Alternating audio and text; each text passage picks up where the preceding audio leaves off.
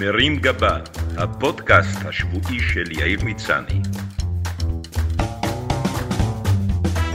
והשבוע נישואים פלוס.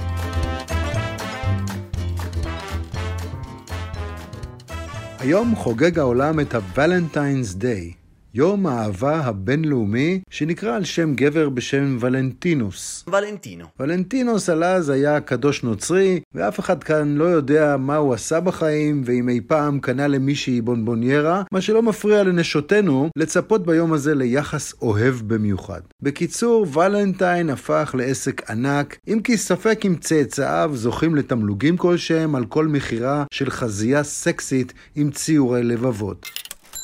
למי מכם שינסו להתחמק מהמאורע המסורתי שמוזכר בתנ"ך בספרים וירכוש ודברים שיש בזרה, ויפעילו את התירוץ הצפוי חגגנו ביום האם, או אני מעדיף את ט"ו באב עם הגלביה הלבנה שזה החג שלנו, מצפה פרצוף שייקח הרבה זמן לתקן. כבר אמר המשורר, אין מדינה לאהבה, והוא שכח להוסיף שגם דת אין לה. בכל הקשור לאהבה ולחגיגותיה, לאישה ממש לא חשוב אם אתה יהודי, נוצרי, מוסלמי או קמצן. האמונה הקובעת היא אמונתך בהפקות, ביחס, והכי חשוב, האמונה בלארג'יות. כדאי שתראה שהשתדלת, גם אם מדובר ב Black Friday, על שם הקדוש המהולל יעקב פריידיי, או ביום הרווק הסיני, שלנוכח ההתפתחויות העכשוויות, יהפוך בקרוב ליום האלמן הסיני.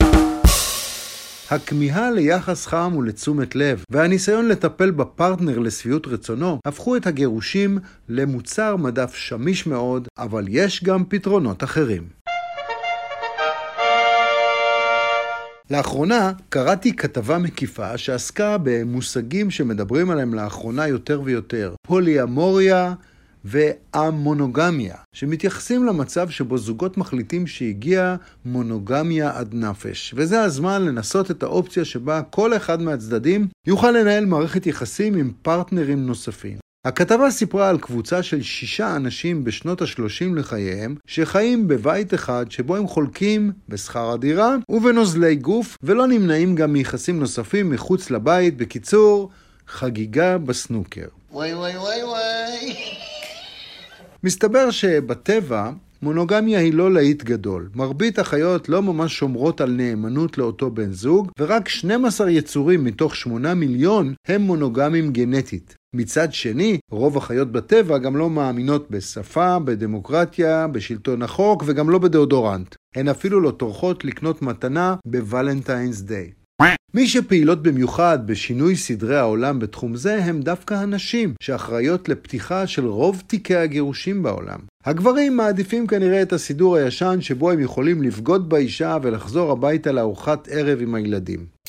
בארצות הברית מדברים כבר על חמישה אחוזים מהזוגות שהם פוליאמוריים, אבל עדיין 70% מהרווקים מהרווקות שם רוצים קשר קבוע לאורך זמן. אני יכול להבין למה זוגות רבים שנפגשו בגיל 18, התחתנו בגיל 19, ומאז חולקים משכנתה, נחירות, קמטים והסעות לחוגים בטרנינג דהוי, מתקשים לשמר זוגיות סקסית לוהטת. המחשבה לשחק אותה עם איזה מאהב מסוכס ועוד לקבל על זה אישור רשמי מהבעל או מהאישה, פלוס הגדרה מדעית, אני לא סתם חרמן מזדקן, אני פוליאמורי, נראית כמו סידור מושלם. מה גם שהפוליאמורים מתעקשים שלא מדובר רק בסקס, אלא במערכת יחסים נוספת. הבעיה נמצאת בפרקטיקה. הרי אחרי שמסיימים לשכב עם הכוכב, כוכבת החדש חדשה, סקס עם כל הכבוד זה עניין שנמשך במקרה הטוב שעה וחצי, ובמקרה הפחות טוב כמה דקות, מתחילים שאר המרכיבים של מערכת היחסים. כלומר, אותם בלבולי מוח שבדיוק בגללם רצית לגוון מההתחלה. ככה אתה עשוי לגלות בעצם שהכפלת לא רק את כמות הפרטנרים לסקס,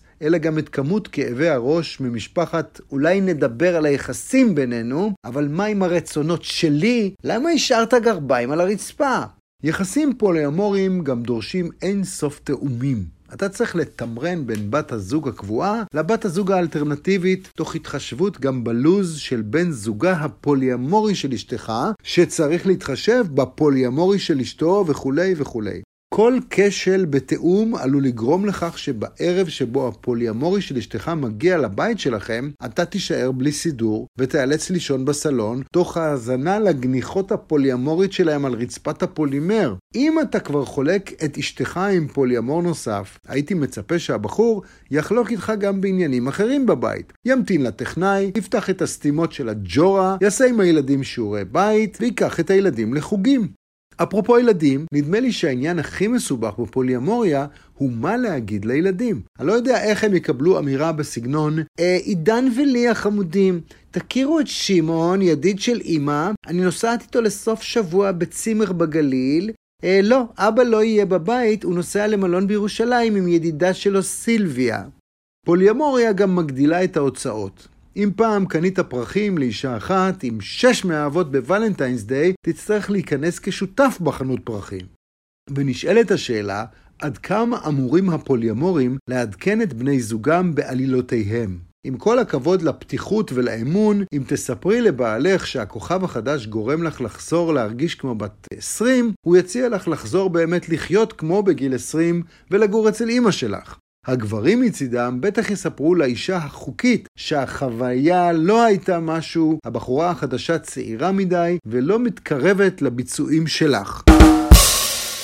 טרנד אופנתי אחר בקרב זוגות נישואים ותיקים הוא טקס חידוש נדרים. אבל לפני שזוג כלשהו מזמין אותנו לחגוג איתו מאורע כזה, רצוי שיבהירו לנו כמה עניינים. מה בדיוק קרה לנדר שצריך לחדש אותו? האם כמו שקורה עם מזגן ישן או עם סמארטפון שנפל יותר מדי פעמים, זה עדיין רעיון טוב לתקן את האובייקט, או שעדיף פשוט להחליף לנדר חדש לגמרי?